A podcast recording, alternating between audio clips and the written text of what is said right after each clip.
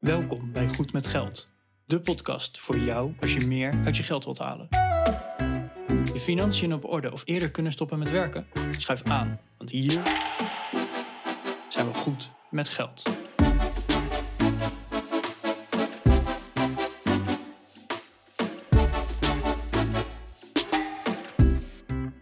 aflevering 214 van de Goed met Geld podcast. Hey, Arjan hier van de Goed met Geld podcast. Leuk dat je weer luistert. Ja, wij hebben net een aflevering opgenomen. Ehm, zoals je in aflevering 212 hebt gehoord, eh, heb ik een huis gekocht. En daar hoort nog heel veel meer bij. Dus dit is het eh, vervolg in deze serie. Eh, deze aflevering gaat hebben over het aanvragen van de hypotheek. We zijn al eerder bij een hypotheekadviseur geweest, maar dan moet je daadwerkelijk die hypotheek aan gaan vragen. En daar komt nogal wat bij kijken. Dus vandaag een hele aflevering. Ik word geïnterviewd door Bas. Maar Bas deelt zelf ook zijn ervaringen. Want ja, Bas die heeft ook al twee hypotheken aangevraagd. Eh, dit is de tweede hypotheek die ik aanvraag. En wij delen dus eigenlijk gewoon alle ervaringen die wij hebben rondom het aanvragen van hypotheek. Er komt nogal wat bij kijken. Dus ja, alleen maar fijn om, eh, om deze kennis en ervaringen te, delen. Dus eh, ja, heel veel plezier ermee. En heb jij nou nog ervaringen? Laat ze dan inderdaad even in de show notes van vandaag achter. Zodat de rest van onze luisteraars ook daar wat aan heeft. En de show notes van vandaag, die vind je op goedmetgeldpodcast.nl slash 214. Veel luisterplezier. Goedemorgen. Goedemorgen. Ik heb eh, zojuist de... Nee, dat is niet waar. Het is nog niet, eh, ik heb hem nog niet gezet, maar ik heb wel een handtekening gezet waarmee ik eh, me voor de komende 30 jaar heb verbonden aan een eh, geldverstrekker. Tenminste, op Dat papier. klinkt zo dramatisch. Kan, ik kan er nog vanaf, maar eh, Fuck. dat gaat geld kosten. ja, snap ik. Oké, eh, je hebt een hypotheek aangevraagd en een offerte eh, gekregen en getekend. Eh, zeker, Leuk man, gefeliciteerd. Dat is fijn dat het Ja. allemaal rond is. thanks. Dat, Ja. ik ben er ook erg blij mee. Altijd, een beetje stressen. Ja, het is echt niet te doen. Dat is echt niet leuk. Maar goed, in aflevering 212 hebben we het al erover gehad eh, dat ik een huis heb gekocht. Samen met mijn vriendin. Oké, cool. En eh, ja, dat is dus rond. Maar even een dingetje. Ik, eh, ik ben goed met geld, vind ik Ja. zelf in ieder geval. Ja. Maar dat nieuwe huis kan ik niet zo even aftikken. Valt weer een beetje tegen, denk ik. Ja, ik ben eh, lichtelijk teleurgesteld inderdaad. Ja, nou, gelukkig is het lichtelijk en niet zwaar.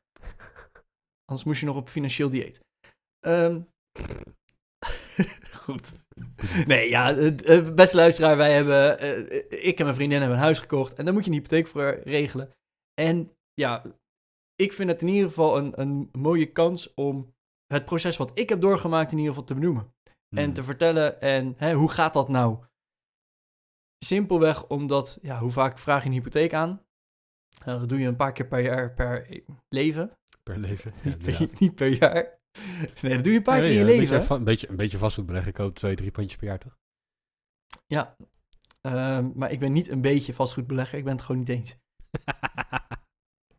Dit is jouw tweede hypotheek, Arjen. Wat zeg je? Dit is jouw tweede hypotheek. Eh, ja, dat klopt. Dus ik heb, het, ik heb dit al eerder gedaan. Hm. Ehm, maar toen eh, was het voor een nieuw huis, hè, voor, of tenminste voor mij mijn eerste huis. En dat is anders dan wanneer je voor een tweede huis wat gaat kopen. Dat is ook nog eens even een dingetje. Dus ehm, eh, ja, deze aflevering gaan wij door dat proces wat ik, wat ik en mijn vriendin samen hebben gedaan. Ehm goede, goede side note. Ik ben geen financieel adviseur. Ik vertel alleen maar door wat mijn financieel adviseur mij heeft verteld. En, en we Ehm, proberen dat hij ook echt de waarheid doorvertelt. Maar we kunnen het ik- niet garanderen.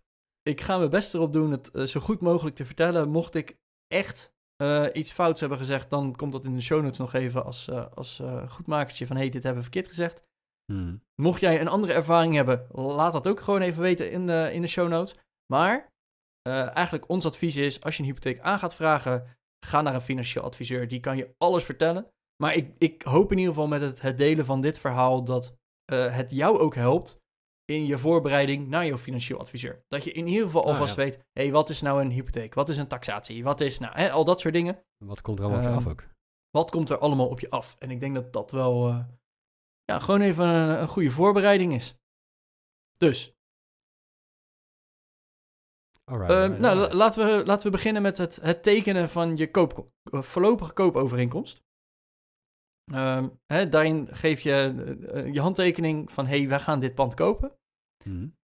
Ehm, en daar, ja, wij hebben daar een financieringsvoorbehoud. eh, daarin opgenomen van, hé, hey, eh, als wij de hypotheek niet rondkrijgen, eh, dan kunnen we nog van het huis af. Hmm. Zo simpel is het. Dan moet je ook wel daadwerkelijk een, een bericht hebben gekregen van een hypotheekverstrekker die zegt, hé, hey, dit gaan we niet doen. Punt. Oké, ja. Ehm, Dat is soms, de- het de- zelf- soms, soms staat er zelfs, ik heb al eens gelezen dat dat soms zelfs is dat je bij twee hypotheekverstrekkers eh, het eh, nee-antwoord moet hebben gekregen. Klopt, klopt. Dus eh, daar, moet je ook je best voor doen om daar nog mee onderuit te komen. Ehm, maar goed, hè, als het niet lukt, als je je baan kwijt, net kwijt bent geraakt, dan wil je ook van dat huis af, laten we eerlijk zijn. Ja. En dan vraag je hem gewoon bij twee verschillende aan, dan krijg je het niet en dan kan je ervan af. Hè, Nou ja, je kan het ook is gebruiken Altijd de oplossing. Als jouw situatie net verandert. Eh, Ja. Zo simpel is het ook. Maar goed, ehm, die voorwaarden hebben wij opgenomen. En dan staat er in die, die, die koopovereenkomst staan twee data. Oké. Eh, of tenminste, ja, drie eigenlijk. Eigenlijk, de allereerste is je, je bedenktijd. Je hebt drie dagen bedenktijd. En in die eerste drie dagen na tekenen, en dat gaat dan om werkdagen.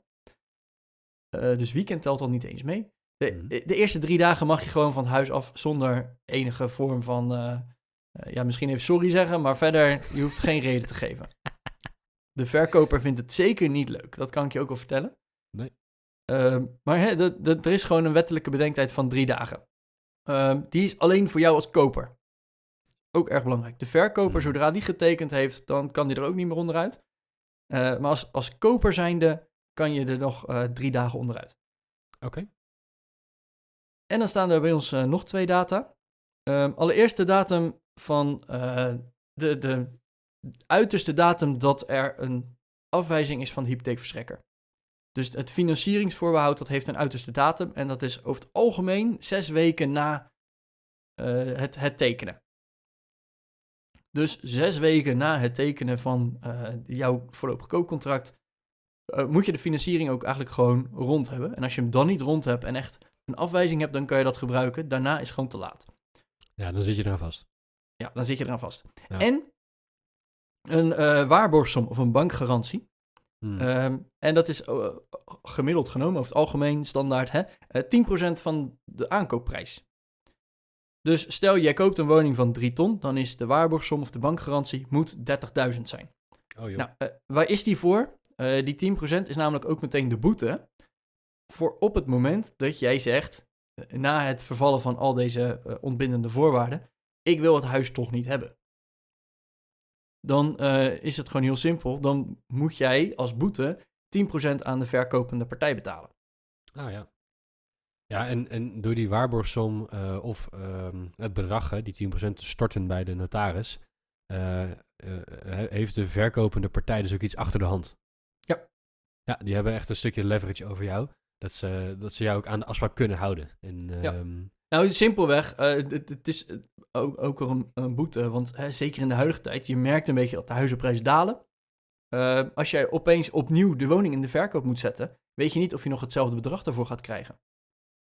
Hè, het kan meer zijn, maar het kan ook zeker minder zijn. Eh, je makelaar vindt het niet leuk, die moet opeens extra werk gaan doen, dus die zal er wat extra voor gaan vragen. Nou, al dat soort dingen horen daar allemaal bij. Dus het is deels ook, ook gewoon schadevergoeding. Ehm, dus die, eh, die data staan erin. En even, bij even- mij... Even, even één dingetje, eh, wat ik hierop wil, eh, wil toevoegen. Mijn financieel adviseur destijds, we hebben twee jaar geleden ongeveer dit hele proces doorlopen, dus de zaken zullen iets veranderd zijn. Mijn financieel adviseur gaf aan dat ehm, het mogelijk is om van die voorwaarden af te wijken die in je contract staan. Eh, je hebt bijvoorbeeld al- eh, zes weken afgesproken als eh, voorbehoud van financiering. Ehm, het kan natuurlijk zo zijn dat de bank nog even bezig is. En dat ze Ja. meer tijd nodig hebben, omdat jij nog extra documentatie moet aanleveren. Of omdat het heel druk is. Of om, nou, noem, noem de redenen maar op. Ehm, mijn financieel adviseur gaf aan van, pin je niet te veel vast op die zes weken. We hadden volgens mij zelfs tien weken afgesproken, omdat ik als ondernemer een hypotheek ging aanvragen. Eh, dat zou mogelijk wat langer duren, dat viel uiteindelijk mee. Ehm, maar we hadden dus tien weken afgesproken. En mijn adviseur gaf toen aan van, ja, mocht er nou na acht weken of negen weken zijn dat de bank nog steeds zegt, joh, we weten het nog niet en we hebben tijd nodig enzovoorts. Dan kun je gewoon naar de verkopende partij gaan. Dat speel je even via de makelaar natuurlijk. Ehm, En dan, eh, dan kan je gewoon het verhaal bij ze neerleggen van luister, het gaat zeer waarschijnlijk wel lukken, maar we hebben nog even meer tijd nodig. Willen jullie nog een verlenging van nou ja, twee weken of drie weken of whatever op die voorwaarden geven? Hij zegt, en het, het komt best wel voor dat dat dus ook gebeurt. Ja. ja, en dan moet je ook dus even de, kant van de verkopende partij eh, voor je stellen. Eh, of je moet twee weken extra wachten, maar waarschijnlijk gaat het lukken. Of je moet het niet akkoord gaan en het hele proces opnieuw. Ja, en die Hè? 10%, die 10% die krijg je dan dus ook niet. Hè? Tenminste, dat is, eh, ja, sorry, als we het nu moeten hebben, dan is het antwoord van de bank dus gewoon nee. Ik we, we hebben het nu niet. Eh, ja, dus Dat de, de 10% natuurlijk een- boete krijg je dan inderdaad niet. Dat is natuurlijk een risico, ja. Dus, ehm, en eh, de, de waarborgsom die staat op een week later bij mij. Hoe dat verder zit, geen idee. Je hebt dus twee smaken daarin. Mm. Of je stort die 10%, dus hè, even 30.000 euro aftikken. Hopte. Hartstikke idee. Ja, dat doen we gewoon even. Hè? Eh, of een bankgarantie. en een bankgarantie is dat er een bank of een andere financiële instelling de garantie afgeeft dat op het moment dat die boete betaald moet worden, dat die bank dat betaalt binnen afzienbare tijd. En eh verbeeld je niks in, je betaalt er gewoon voor, maar vervolgens moet je gewoon die 30.000 euro, in het geval van die 3 ton, eh, gewoon weer zelf terugbetalen. Eh, dus dan heb je opeens een lening van eh 30.000 euro. Wow. Eh, ja, dus die 10% boete is gewoon voor jezelf. Dus eh, Ja. niet, niet geheel onbelangrijk. Maar goed, ehm, ja, eigenlijk de allereerste tip die ik eh, wil geven op het moment dat jij een huis hebt gekocht, zou ik voordat je gaat tekenen meteen al de afspraak maken bij je financieel adviseur. Oh ja.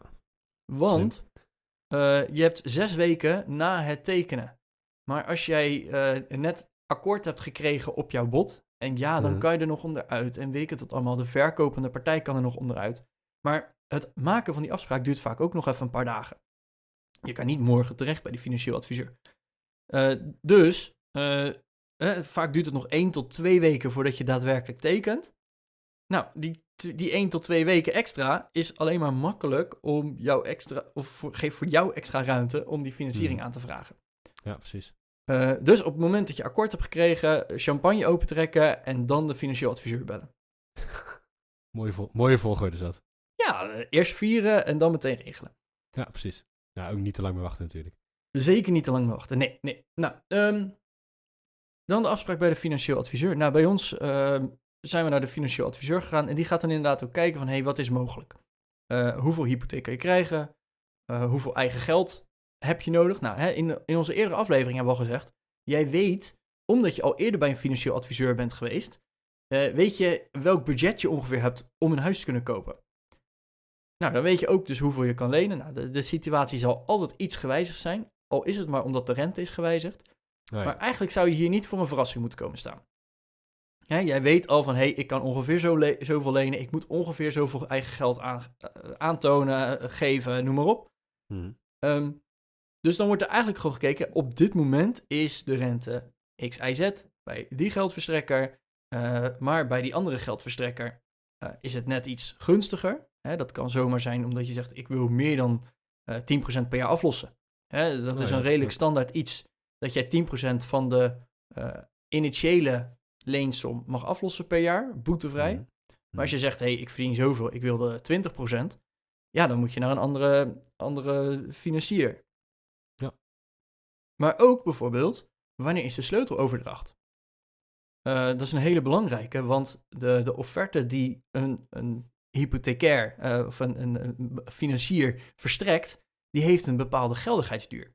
Dus Hmm, die zeggen, hé, hey, jij krijgt, ik noem uh, 4%, Mhm. Jij krijgt een, een aanbod van 4% op die hypotheek en die is twee Ja. maanden geldig. Ja, maar als jouw sleuteloverdracht over zes maanden is, heb je daar dus niks aan. Want binnen die periode van twee maanden moet de sleuteloverdracht dus ook daadwerkelijk hebben plaatsgevonden. Oké. Ehm, dus daar wordt ook naar gekeken. Eh, waar bankier je? Want eh, bij jouw eigen bank krijg je vaak weer wat korting op de, op de hypotheekrente. Ja, wij zijn, wij Eh. zijn specifiek overgestapt voor die korting. Omdat wij, ehm, onze financieel adviseur heeft echt diezelfde vergelijking gemaakt als wat jij nu, hebt, wat jij nu beschrijft. Inderdaad, qua looptijd van de offerte en dergelijke. En omdat wij best een lange oplevering van het huis hadden, hadden we ook een langere looptijd van de offerte nodig. Ja, dat kan ik niet zomaar bij alle banken. Soms kan je wel weer verlengen, soms niet. Soms is die standaard drie maanden geldig, soms negen maanden. Nou, dat is natuurlijk een, eh, best wel een En wat kost een verlenging? Dat is ook niet geheel En wat, wat onbelangrijk. kost een verlenging inderdaad? Nou, we hadden zoiets van, nou, dan, dan zetten we hem op negen maanden. Eh, want daar, er was een bank, eh, een van de grootbanken in Nederland, die, die boden dat aan. En die waren ook vrij ondernemersvriendelijk. Nou, dat was in onze situatie natuurlijk wel prettig. Ja. Ehm, want niet elke bank wil zomaar aan ondernemers lenen ook. Eh, of heeft daar misschien makkelijkere of moeilijkere voorwaarden bij. Ehm, maar wij bankierden niet bij die bank. We kregen wel, nou, 0,2 procentpunt. Ja, 0,2. 0,1, Ik weet welke bank het is. Dat is 0,2 als... Waarschijnlijk als, eh, 0,2 procentpunt korting als het je huisbank is. En we hadden zoiets van, ja, of we nou 3 euro per maand bij de ene bank of 3 euro per maand bij de andere bank voor onze NOF-rekening betalen, kan ons het schelen. Dus toen zijn we overgestapt. Ehm, ja, 0,2 procentpunt op inderdaad eh, tonnen. Nou, dat, dat zet wel zoden aan de dijk. Dus, ehm, Zeker. Ja, dus, dus sta je er niet op blind wat je huisbank nu is. eh, je kunt vaak gewoon overstappen. Dat is niet echt een probleem. Nee, en, en hè, het- is dus een, een afweging die gemaakt wordt van... hey, eh, hoeveel ga je lenen? Eh, Mhm. Wat is het percentage van de woningwaarde dat je gaat lenen? Hè, wij, wij nemen uit ons oude appartement nemen wij geld mee, want daar zit overwaarde op. Dus wij hoeven niet 100% van de nieuwe woning te financieren. Nou, dat telt Ja. ook weer mee. Ja. Hoe lang is die geldig? Wat kost het om hem te verlengen? Nou, al dat soort zaken worden daarin meegenomen. Nou, en wij zaten daar op een, eh, ik geloof dat het een dinsdagochtend was, om 9 uur. En ja, we nemen dit op in een tijd dat de hypotheekrentes gewoon stijgen. Eh, Mhm. hè, in de afgelopen anderhalf jaar zijn ze van anderhalf procent naar 4 procent gegaan, de hypotheekrentes. Dus ehm, wij, wij- nou, ik ben niet geheel ontevreden. Ik, ik, we gaan 4,17 procent betalen. Best wel hoog. Ehm, oh, nog even eentje. We, ik, ik heb al een hypotheek met eh, 1,69 procent eh, hypotheekrente. Eh, dat is dus ook berekend wat als ik die mee wil nemen. Want dat kon. Eh, hè, dan, dan blijf je bij dezelfde bank, neem je daar extra hypotheekbedrag voor de volgende woning. Eh, dat, eh, dat wordt ook berekend van, hey, hoe gunstig is dat? Het zou 6 euro goedkoper zijn eh, netto per maand om daar te Hmm. blijven, maar dat is dan maar drie jaar vast. Oké. Dus nou, dat gaan we dus niet doen. Ik heb het liever gewoon even 10 jaar vast. Ja. Eh, want ik weet gewoon niet wat de rente gaat doen. Hè, hij hij kan dalen, maar ik gok wel dat hij nog een beetje verder gaat stijgen. Dus wij zijn nu voor vast gegaan. Eh, dan betalen we maar 6 euro meer per, per maand. Nou, en, en wij, zaten dus op die dinsdagochtend en eh, hij zegt, ja, ik, die rentes, ik verwacht dat ze verder gaan stijgen. Dus ik en mijn vriendin zeiden allebei, oké, kunnen we hem nu vastzetten dan? En eh, de, de- onze hypotheekadviseur zei, natuurlijk, eh, ik heb alleen je paspoort nodig. En met dus simpelweg ons paspoort is dus eigenlijk de hele financiële financieringsaanvraag al gedaan. Of tenminste, wat er dan gebeurt is, er wordt een aanvraag gedaan bij die hypotheekverstrekker. Van, hey, Arjan en zijn vriendin die hebben geld nodig voor een huis. Het geld dat ze nodig hebben is dit bedrag. En hebben jullie dat op dat moment beschikbaar? En dan wordt er dus in de boeken van die hypotheekverstrekker wordt er alvast geld gereserveerd voor op dat moment. Verder gebeurt er eigenlijk nog niks. Ja, er, wordt echt, er wordt echt letterlijk gekeken of er al voorraad is. En eh, nou, nou is dit een investeringsmaatschappij, geloof ik, dus ik geloof wel dat er genoeg voorraad is. Voor een grote investeringsmaatschappij Ja, is een hypotheek natuurlijk peanuts. Laten we wel zijn. Het is vervelend als het niet terugkomt, maar effectief. Dus eh, Nou, ze willen het wel heel graag terug hebben hoor. ja, geloof mij, dat, eh, dat wel. Maar goed, ehm, dan wordt dat dus eh, gereserveerd en dan krijg je dus ook eh, een, een aanbod. Een voorlopig financieringsaanbod heet dat, geloof ik. Ehm, dat is nog helemaal niet bindend. Dat is even belangrijk om te noemen, is helemaal niet bindend. Mm. Want er staan ook heel veel voorwaarden in. Je moet dit aanleveren. Je moet dat Ja. aanleveren. Je moet zus aanleveren. Je moet zo aanleveren. En dat is echt, eh, echt gigantisch veel. Ehm, eh, denk bijvoorbeeld maar eens aan eh, een recente salarisstrook. Eh, een overzicht van mijn pensioenoverzicht.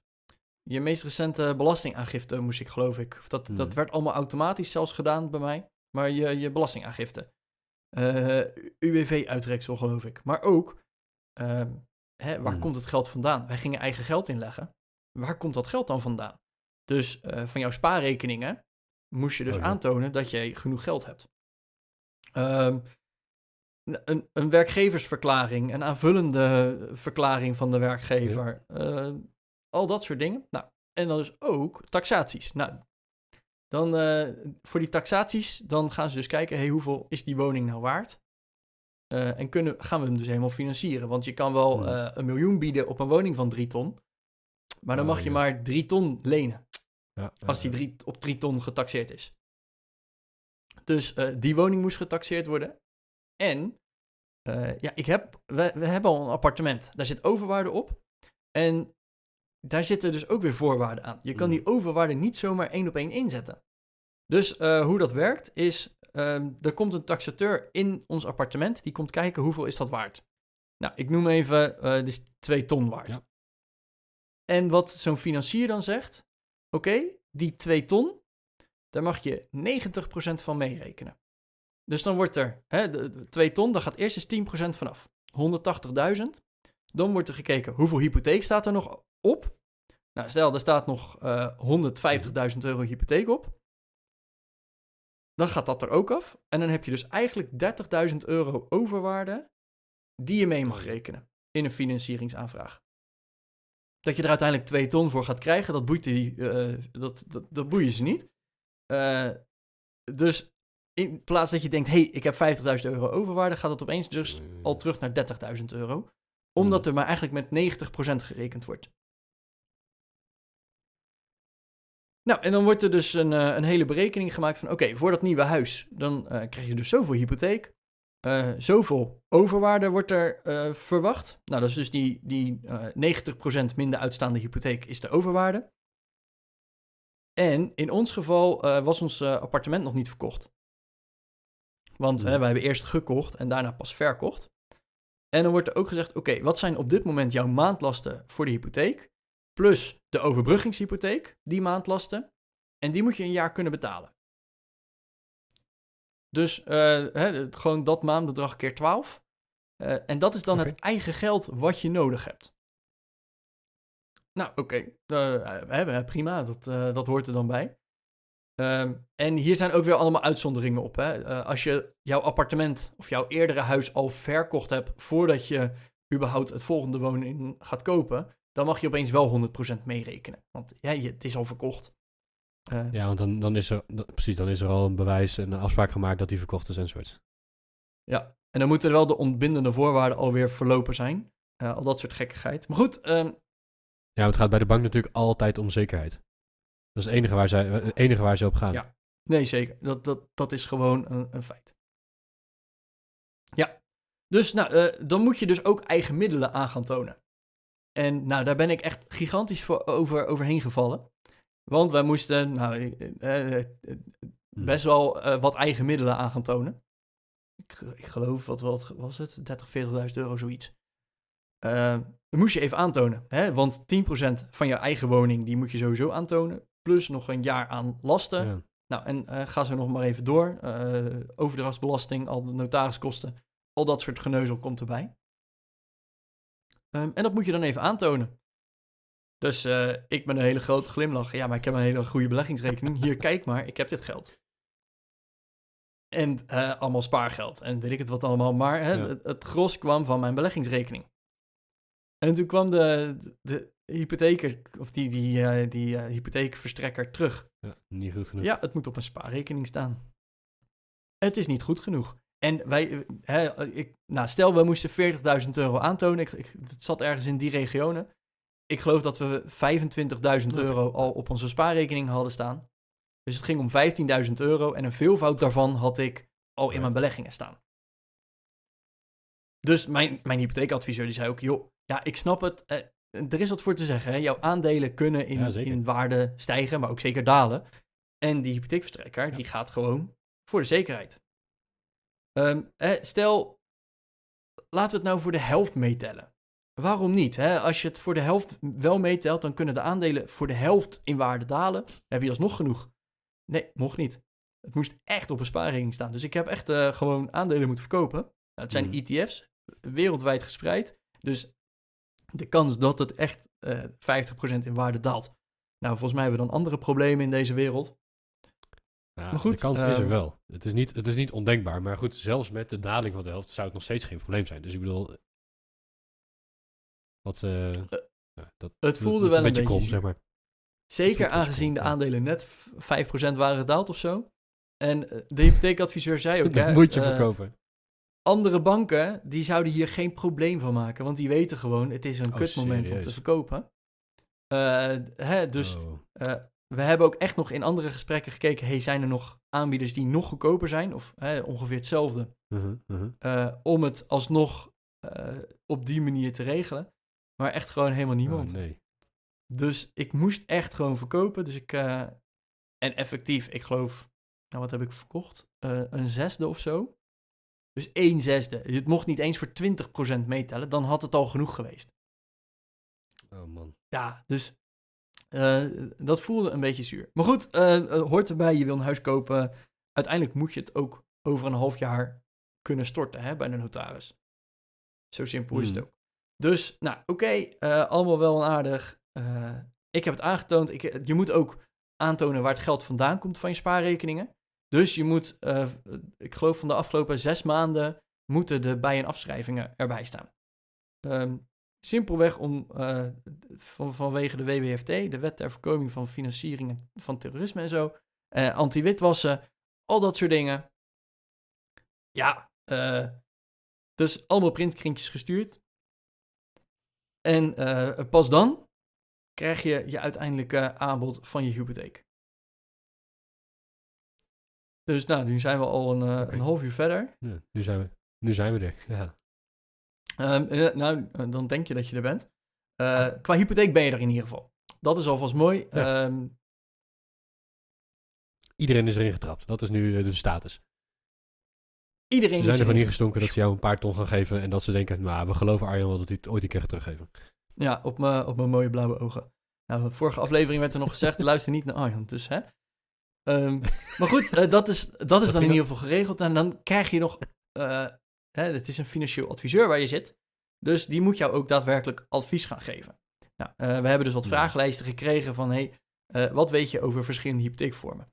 Nou, dan heb je inderdaad een, een, een lineaire aflossing, eh annuitaire aflossing, aflossingsvrije hypotheek, een levenhypotheek, een spaarhypotheek, een, nou, weet ik het wat voor allemaal hypotheken. Ehm, en die worden dus ook nog stuk voor stuk uitgelegd. Nou was dat in ons geval, we hadden de offerte en alles al getekend. Eh, dus was een beetje uh, mosterd na de maaltijd. Maar dat moet hij Mhm. wel allemaal nog even vertellen. Om te vertellen van, hé, hey, wanneer krijg je wel hypotheekrenteaftrek? Eh antwoord alleen bij lineaire en annuitaire aflossing. Of als Ja. jouw hypotheek voor 2013 al is getekend. Ehm, Ja, maar ook, en- hè, wat zijn en- en- voorwaarden en li- lineair annuitair is niet de enige voorwaarde. Hij moet ook lineair of annuitair binnen 30 jaar volledig zijn afgelost. Ja. Want je hebt Nou, tegenwoordig eh, ook eh, 35 en 40 jaar hypotheken.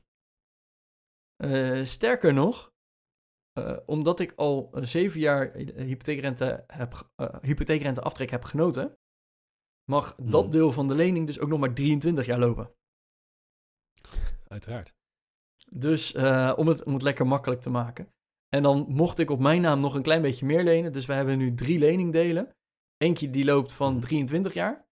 eh, van hè, nog het restbedrag wat, uit, wat deze woning nu heeft. Dan komt er eentje van nou, eh, meer dan de helft. En nog één plukje van 1000 euro. Want dat konden we er nog Oh, even ja, bij lenen. Het is echt... Oh, en daarvan mag je dus ook maximaal 10% per jaar extra aflossen. Dus dat plukje blijft de komende eeuwen nog bestaan, zo ongeveer. Omdat je anders een boete moet betalen om die af te lossen.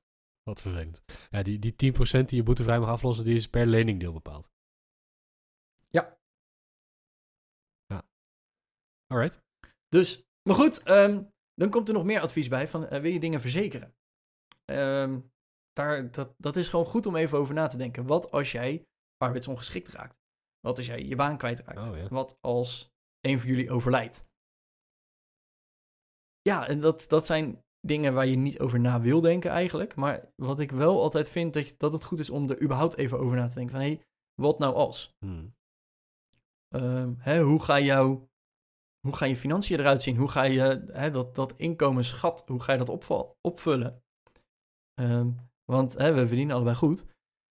Maar op het moment dat je opeens een UWV-uitkering krijgt, of zelfs in de WW komt, omdat je nog steeds geen baan kan vinden, hè, je weet niet hoe de economie gaat lopen, ja, dat is ook niet leuk. En daar moet je even over nadenken van, hé, Nee, kan, je, wel, kan je dat eh, gat opvangen? En Ja. waarmee? Hè? Ga je dat met spaargeld doen? Ga je minder uitgeven? Ga je op een andere manier meer verdienen? Wat als er eentje ziek wordt van jullie? Hè? Eh, allemaal dat soort stomme dingen. Hmm. Ehm, ja, denk daar zelf ook voor jezelf eens over na. Als jij naar een hypotheekverstrekker gaat, of naar een hypotheekadviseur, eh, wat zou je graag willen? Ehm, tegenwoordig is het niet meer verplicht. Vroeger bij de NHG-hypotheken, dus de on- hypotheken onder de nationale hypotheekgarantie, was een eh, overlijdsrisicoverzekering was verplicht. Voor een, eh een 30% van de, van de aanschafwaarde. Dat is niet meer.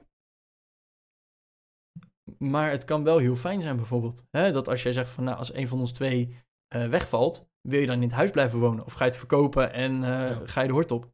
Kan ook. Ja, en dat, dat, dat ligt natuurlijk heel erg eh, aan je situatie. Daar hebben we ook al over nagedacht destijds. Hoe gaan we dat aanpakken? En we hebben toen Ja. gekozen om wel een overlijdensrisicoverzekering te nemen, maar die niet te verpanden aan de hypotheek. Dus da- daar kan je bijvoorbeeld alweer een keuze maken. Op het moment dat je een verzekering hebt die verpand is aan de hypotheek, dan, dan bij het overlijden van een van de twee partners eh, zal de verzekering uitkeren en daarmee de hypotheek aflossen. Ja. Ehm, automatisch. Eh, de- daar heb je dan geen keuze in.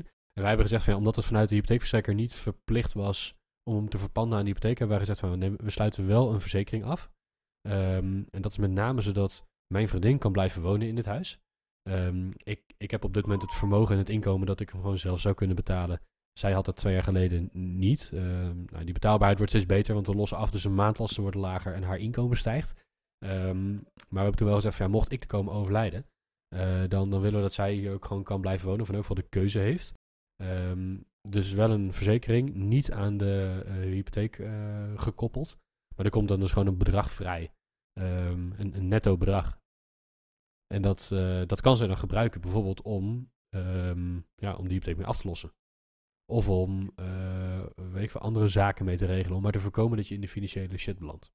Ja, ja stel dat je kinderen hebt hè, op, op dat moment, eh, om daar Hmm. hun studie van te betalen. Noem maar even wat geks.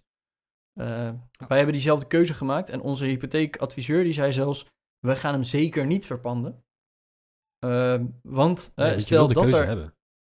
ja, stel dat er kinderen in het spel zijn, die hebben dan ook recht op een, Hmm. een deel van de erfenis.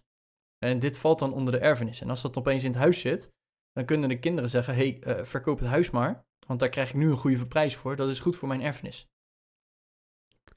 Oh, serieus. En dan kan dus dan- de, de overlevende partner, die kan dan eh, door de kinderen het huis uitgezet worden. Nou, verplicht niet te verkopen, inderdaad. Is dat, dat, eh, dat gaf mijn financieel Oh, adviseur in ieder geval aan. Ja, want bij Ehm, erfenis gaat natuurlijk de helft naar de partner en de andere helft wordt verdeeld onder de, onder de kinderen. En als die andere helft inderdaad niet voldoende liquide beschikbaar is, maar in het, in het huis zit, dan, oh joh, oh daar kan ik niet bij stilstaan. Ja, dus eh, nou, het is niet helemaal eh, half-half wat je nu net zegt trouwens.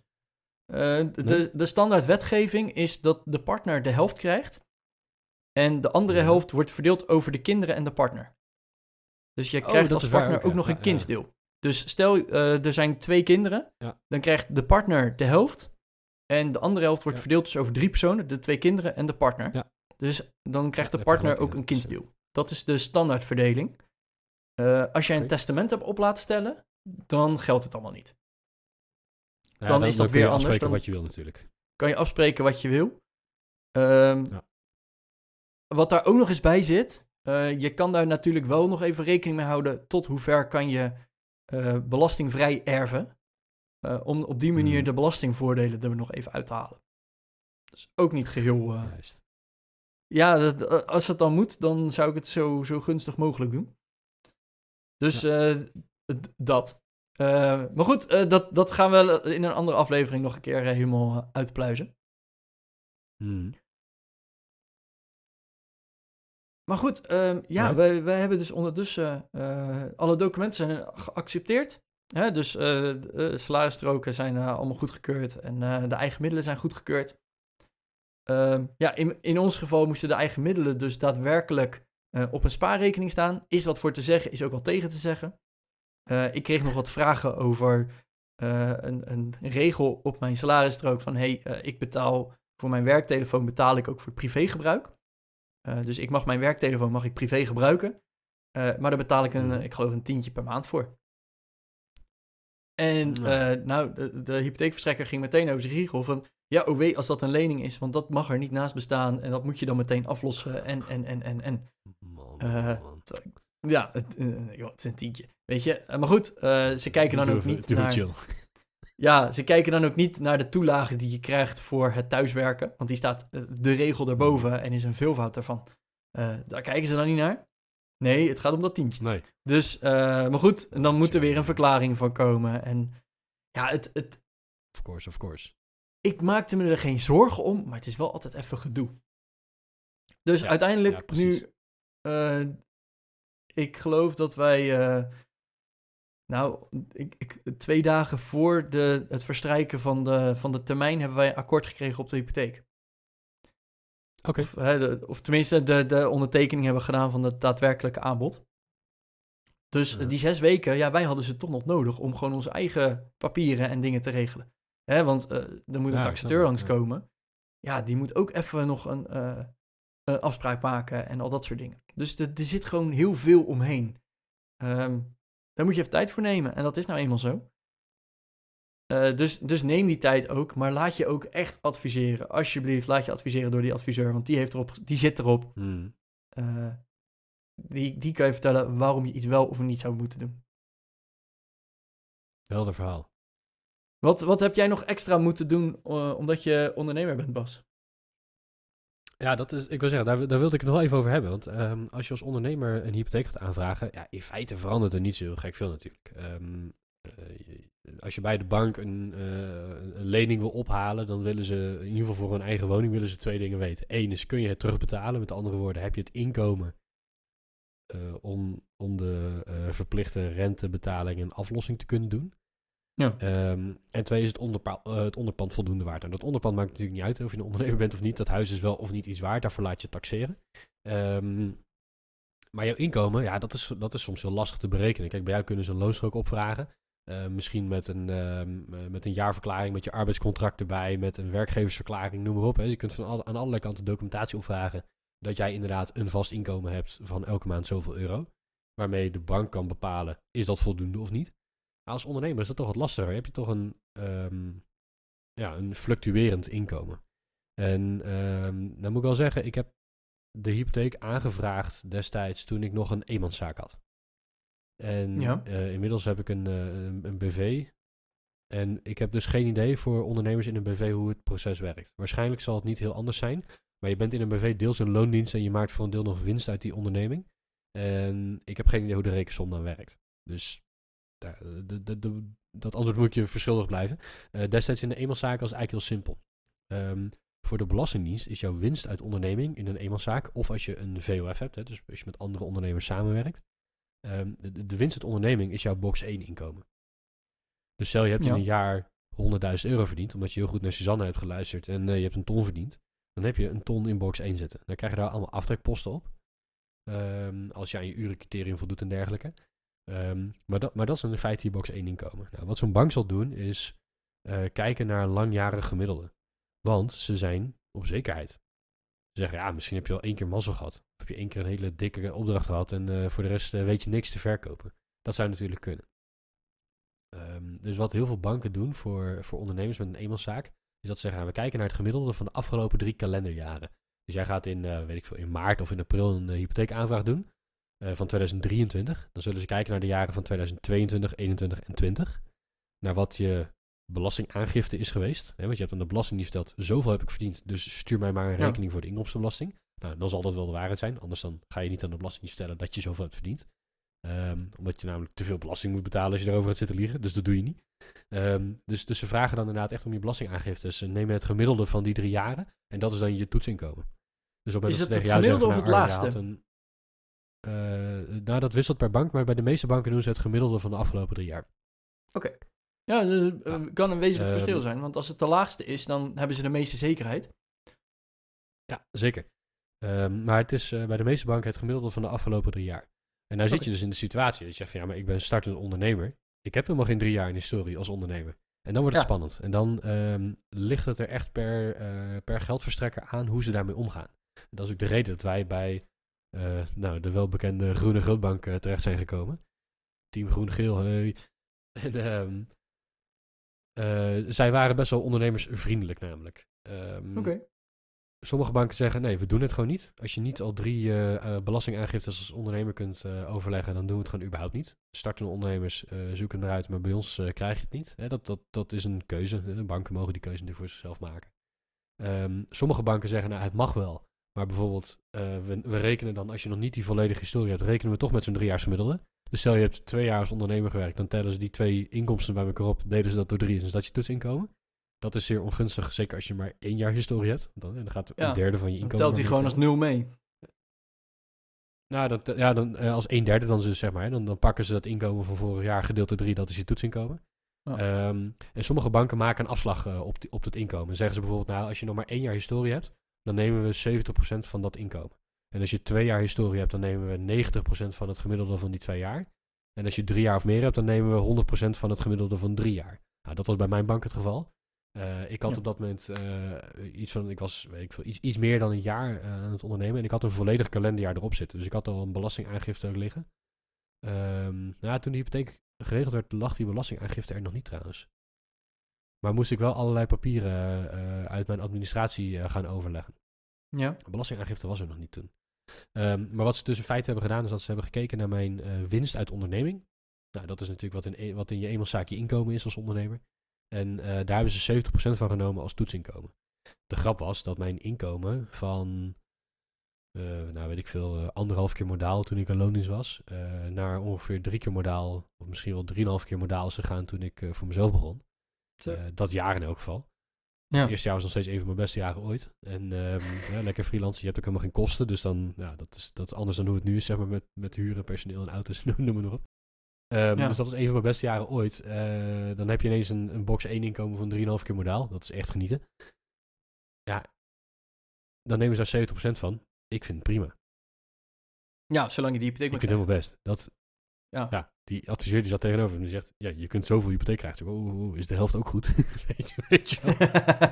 Eh, dus dat was wel een... ja. ehm, dat, dat, was, dat was wel een meevalletje. Maar goed, deze, deze bank is, een, eh, is dus vrij ondernemersvriendelijk. Ik weet niet of ze dat nog steeds nu zo doen. Twee jaar geleden was het dan ook wel de regeling. Eh, als je een jaar kunt overleggen, dan is eh 70% voldoende. Wat we wel moesten doen overigens, dat is wel grappig. Ehm, we moesten een, eh een coronaverklaring overleggen met een vragenlijst die, eh, die ik moest invullen en ondertekenen. Waarin ik ging verklaren dat, eh, dat lockdowns en dergelijke geen of beperkt risico op mijn onderneming hadden. En dat moest ik ook kunnen onderbouwen. Ehm, en ik ben als een eikel die dan een grafiekje van de omzet per maand erbij doet en zegt van kijk eens in de coronamaanden kreeg ik meer omzet. In het begin eventjes niet, want toen waren een paar bedrijven een beetje scheidheids en trokken hun handen ervan af. Maar daarna kreeg ik meer omzet, omdat thuiswerken, digitalisering en dergelijke veel belangrijker wordt. En voor mij als tech-ondernemer eh, is dat dus een enorme kans. En toen heeft de bank gezegd, oké, klinkt aannemelijk, dus we vinden het goed. Eh, zeker ook omdat ik in hetzelfde vakgebied onderneemde als waar ik voorheen in loondienst was geweest. Dus dat, Ja. dat maakt hem denk ik eh, wat makkelijker, wat veiliger. Je hebt al een track record in loondienst. Ja, en dan, dan ga je ondernemen, laat je zien dat je goede cijfers draait. En, daar nemen ze dan een 70% van. Dus daar zit al een afslag op. Dat, dat vonden ze veilig genoeg. De grap is dat toen, toen ik mijn beleggingspand ging financieren, dat ze dat dus niet deden. Toen zeiden ze niet van, je, we pakken 70% van jouw eh, ondernemersinkomen. Toen zeiden ze van, nee, je moet je zakelijke, je moet je boekhouding opsturen naar een of ander bureautje. Een, eh, inkomensverklaring eh, gaan opvragen bij zo'n bij zo'n bedrijf. Kost nog een keer 300 Ja. of 400 euro. En die gaan dan op basis van een, van een gesprekje dat ze met jou voeren en, en de cijfers die jij kunt overleggen, komen ze met een advies aan de bank wat jouw toetsinkomen zou zijn. En die kwamen fors lager uit dan die 70%. Ik denk dat die op 55, 60% destijds uitkwamen of zo. Eh, dat was nog Oh. steeds voldoende om het beleggingsplan te kunnen financieren hoor. Maar ehm, het, het kan er dus nogal van afhangen wat de rekensom is. Hè. Of ze met een driejaars gemiddelde rekenen, of ze met een percentage van het afgelopen jaar rekenen, zoals in mijn geval bij, bij onze eigen woning. Of dat ze via een, eh, een inkomensverklaring van een extern bureau eh, dit doen. En, ja, en wat die daarmee doen, Ja, en het type hypotheek was toen natuurlijk ook nog eens anders. Want het is een beleggingspand, daar zitten ook weer andere risico's aan dan een, eh, een Ja, hypotheek. maar, ja, maar de LTV, was daar weer, de LTV was daar weer veel lager. Eh, de LTV was daar maar iets van eh 65 of 70 procent of zo. Terwijl die op de eigen woning hoger dan dat was. Dus ja, wat is dan het risico als het onderpand zoveel meer waard is dan de hypotheek? Hè? Dus nou ja, goed, dat, het, het hangt er per bank nogal van af hoe ze omgaan met een hypotheek voor ondernemers. Dat, dat, dat is denk ik de, de les uit dit verhaal. Er zijn vele verschillende manieren van het rekenen voor een toetsinkomen. Eh, sommige banken berekenen dat zelf. Die hebben dus een eigen ondernemersdesk op de hypotheekafdeling. Eh, sommige banken hebben dat niet en die besteden dat dan uit. Of tenminste, die laten dat jou uitbesteden, want jij moet hem zelf gewoon betalen uiteraard. En ehm, eh, da- daar kunnen wel eens eh, andere getallen uitkomen dan je in de, in de calculatortjes Oh, online vindt. Ja, oké. Ja. Nog andere verzekeringen of, of zekerheden af moeten geven als ondernemer? Of viel dat wel mee? Want ik heb inderdaad als, als zekerheid dus inderdaad vooral mijn eigen middelen. En dus mijn contract, of tenminste dat je een vast contract hebt moet je verklaren. En inderdaad je salarisstrook. Eh maar, maar verder viel het qua Eh. zekerheden wel mee. Nou, de, de, juist jouw salarisstrook en je contract, dat zijn geen zekerheden die je afgeeft. Hè? Want je kunt de hypotheek aanvragen en morgen je baan opzeggen. Dus dat, dat is geen zekerheid voor de bank. Dat is meer een bewijs dat je op dit moment verdient wat je zegt dat je verdient. Ehm, een, een verplichte verzekering bijvoorbeeld is wel een zekerheid die je afgeeft. Maar ja, als die verzekering niet zo verplicht is dat je hem aan de hypotheek moet verpanden, ja, dan is dat eigenlijk ook geen zekerheid. Dus nee, dat hebben we niet gehad. Ik heb wel heel veel documentatie moeten inleveren eh, over de financiën van mijn bedrijf. Ja. Ehm, dus dat is niet alleen maar een balans, een winstverliesrekening, maar ook alle banktransacties van de afgelopen twaalf maanden, alle btw-aangiftes die we gedaan hebben.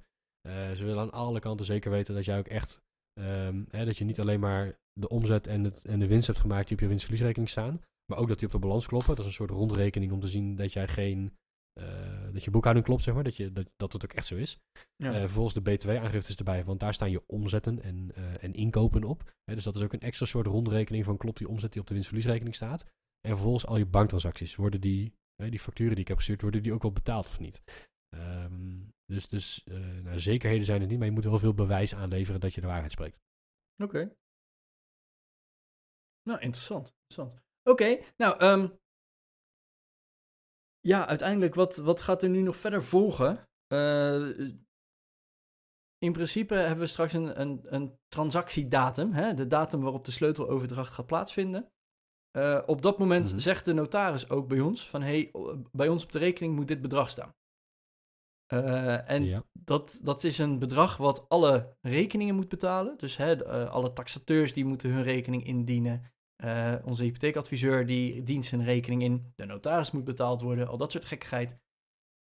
Ehm, dus dat moet er op de rekening staan.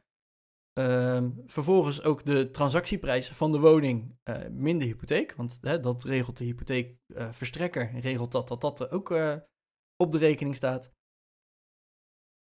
En eh, ja, we- nog wat belasting, dat soort dingen. Dus eh, uiteindelijk, ik had uiteindelijk mijn, mijn eh, investeringen wel ergens een keer moeten gaan verkopen. Eh, hè, want Ja. een, een best wel bedrag moet je ook gewoon daar bij de notaris eh, op de rekening hebben staan. En dan is het dus inderdaad ook lastig of jammer dat je 90% van jouw woning maar mee kan, eh, mee kan rekenen. Dus die 10% moeten we sowieso zelf even aftikken. Ehm, die komt uiteindelijk ook wel terug. Dus op het moment dat dit appartement verkocht wordt en daar de sleuteloverdracht plaatsvindt, dan blijft die 10% opeens over bij de notaris. Hè? De- die blijft daar op de rekening staan. En die komt uiteindelijk weer onze kant op. Ja, dus het is inderdaad, die geldstromen die zijn best wel. eh, ehm, eh, jij hebt 10% gestort. Eh, de verkoop van jouw woning wordt daar gestort. Ehm, en, daar, en, en de hypotheek voor jouw nieuwe woning wordt daar gestort. Dat bedrag van de hypotheek wordt daar gestort. Ehm, en daar wordt weer van afgehaald wat je hebt gekocht, want dat wordt aan de verkoper betaald. Eh, en op een gegeven moment blijft er ergens onderaan de streep een bedrag over. En dat is wat jij weer terugkrijgt. En dat is denk ik dus die 10% inderdaad. Of nou ja, het, het, het verkoopresultaat op jouw eigen woning of op je bestaande woning. Eh, Ja. Min alle kosten die je hebt gemaakt. Dus eh, nou, Ja, precies. alle kan, kosten kan die je maakt, ook nog die, voor kiezen die om moet dat je, meteen... die moet je een maand eerder al betalen, zo ongeveer. Waar? behalve de makelaarskosten van de verkoop. Die worden pas bij de Oh, verkoop ook daadwerkelijk betaald. Maar dus de aankoopkosten... Oh, ik had gedacht dat dat allemaal... Nee, dat Ja. moet je gewoon even Ik had gedacht dat het allemaal bij de notaris was. Ja, Oké. Ja, het, het gebeurt ook bij de notaris. Alleen je gaat twee keer naar de notaris. Want je gaat eerst een Hmm. keer naar de notaris om je eigen woning te kopen. Of je nieuwe woning. Ja. Dan ga je even verhuizen. Daar gaat, eh, hè, weet ik het, een maand overheen. En een maand later ga je verkopen. En dan krijg je het geld pas terug. Ah, ja. Ja, ja, dat klopt. Ja, die vertraging. Dus, eh, dus je moet wel even die maand even op een houtje bijten. Of, of in ieder geval je spaarrekening plunderen. Nou ja, eh, kijk, als je het inderdaad en- op ja, tijd precies. verkocht als het, Want als je dat niet op tijd verkocht hebt, dan eh, moet je langer op dat geld wachten. Het komt er een keer wel aan, maar Juist. dat is gewoon de zekerheid. Je moet zelf dat eigen geld inleggen. En dat komt pas terug op het moment dat je inderdaad de andere woning verkocht hebt. En dat is dus wat lastiger inderdaad op het moment dat je gaat doorstromen naar een volgend huis, een volgend koophuis. Eh, is dat je gewoon zelf best wel wat eigen geld moet aanleveren. En ik denk dat dat ook een van de grote verschillen is met op het moment dat je eh, van een huurhuis naar een koophuis gaat. Want dan, eh, ja, natuurlijk, je moet ook bij de notaris aardig wat geld inleggen, want je moet onder andere de overdrachtsbelasting betalen, als die er is. Die is op dit moment vrijgesteld, maar die gaat wel Mhm. weer terugkomen. Notariskosten, taxatiekosten, al dat soort kosten moet je allemaal al betalen bij de notaris. Ehm, dus je moet wel echt zelf inleggen. Maar je hebt dus niet 10% van je huidige woning die je ook nog even bij moet leggen. En dat, dat verschilt een beetje, hè, hoeveel kan je lenen? Ehm, eh, wij zitten echt aan de max van wat wij hypothecair kunnen lenen. Eh, dus dat geld van die overwaarde hebben we echt nodig. Ja, en dat je dan daar maar een deel van eh, eh, in een overbruggingshypotheek kan krijgen. De rest moet je gewoon zelf betalen. Dus ja, dat, dat zijn altijd wel even dingen die je vooraf eigenlijk met je financieel adviseur besproken wil en moet hebben. Dat je inderdaad gewoon Mhm. even die duizenden euro's eh, wel een maand of twee kan missen, op zijn minst. Heftig, hè? Ja, dat, eh, dus eh, bespreek dat alsjeblieft met je financieel adviseur. Check ook die vorige aflevering even. Ehm, ja, tot zover een hypotheek aanvragen. Ehm, er komt een volgende aflevering aan, want hè, mijn huis, dat moet wel verkocht worden. Gaan we het ook nog even over hebben. Hè? Wat is nou de tactiek om je huis te verkopen? Eh, denk ik ook een Ja. hele interessante aflevering. Hebben we nog dingen ben, gemist, eh, Bas? ik ben wel heel benieuwd. Nee, ik denk het niet. Volgens mij zijn we er wel. Ehm, ja, het feit blijft natuurlijk, een, een hypotheek aanvragen is een heel persoonlijk proces. En er zijn allerlei standaard calculatoren voor te vinden online. Maar toch blijft het een, ehm, ja, een, een, heel persoonlijk proces. Ehm, eh, zoals ik al aangaf, je kunt natuurlijk als ondernemer allerlei andere eh, zaken tegenkomen die je moet aanleveren of niet. Of hoe er berekend wordt met je gerekend wordt met je inkomen of niet. Ehm, maar ik denk dat het heel waardevol is hoe jij ons nu door jouw proces eh, heen hebt gepraat. En ik denk dat er gewoon heel veel mensen die luisteren die in dezelfde situatie zitten. Die met z'n tweeën zijn, allebei in loondienst, eh, huidige woning verkopen, nieuwe woning aankopen. Ehm, met daarbij het bijbehorende timingsverschil. En met daarbij het bijbehorende ehm, nou ja, eh, financiële aspect. Hè, dat je misschien inderdaad op je spaargeld moet teren. Of in ieder geval een stukje van je beleggingen moet verkopen. Voor tijdelijk in elk geval. Ehm Eén ding waar ik nog benieuwd naar ben. Wat ga je doen met, eh, met die 10%? Of in elk geval die 10% minus kosten op het moment dat die terugkomt? Ga je die direct in je nieuwe hypotheek stoppen? Los je die af voor lagere maandlasten? Of ga je die weer terugstorten op je beleggingsrekening? Ehm, ik eh, voorzie op dit moment dat ik een deel in ieder geval terug wil gaan storten op mijn beleggingsrekening. Ehm, en wat daar ook nog even bij komt kijken is, wij willen nog wat, eh, wat aanpassingen in de woning doorvoeren. Eh, een van de wensen is bijvoorbeeld zonnepanelen, warmtewisselaar, Ah ja. of warmtepompen, hè, dat soort dingen. Dus echt woningverbeteringen. Ehm, Ja. Dus ik, ik, we willen uiteindelijk wel versneld gaan aflossen. Maar ik denk dat we in het begin vooral nog even wat verbeteringen door gaan voeren. Het is een best wel nieuw huis, dus ik kan nog. Mhm. eh, eh, je hoeft niet extra te gaan isoleren, maar er liggen nog geen zonnepanelen op. Er, is nog, eh, er zit gewoon een, een Nee, gas-cv-ketel in. Dus dat soort dingen denk ik dat we vooral even naar gaan kijken of, of we daar mee aan de slag gaan. Of dat we inderdaad zeggen, hé, hey, Mhm. dat komt over een paar jaar wel. Dus, maar we gaan niet meteen extra aflossen. Want, hè, de- wat ik ook zeg, Nee, snap ik. wij moeten onze, onze spaarrekening moeten we echt even ja, bijna plunderen eh, om Hmm. dit te, te voldoen. En nu is gewoon vooral de vraag, hey, eh, hoe gaat de verkoop en hoe lang moet dat? Eh, hè, voor hetzelfde geld krijgen we het niet verkocht. Moeten we een jaar met heel weinig spaargeld doen. Maar het is ook wel fijn om Ja. gewoon dat spaargeld weer even te hebben. Dat als de, weet ik veel, de wasmachine kapot gaat of als de auto kapot gaat, dat we daar ook eh, weer geld voor hebben. En dat voorzie ik een beetje. Ik, ik heb de rekening van de notaris nog niet gezien. Maar dat voorzie ik een beetje dat, dat we die zekerheden of dat stukje spaargeld ook even aan moeten spreken. Om in ieder geval tijdelijk die notaris even te kunnen betalen. Oké, duidelijk.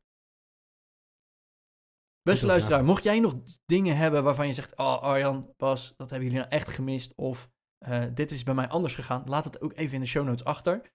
Ehm, nou, zoals Bas al zei, het is een heel persoonlijk proces.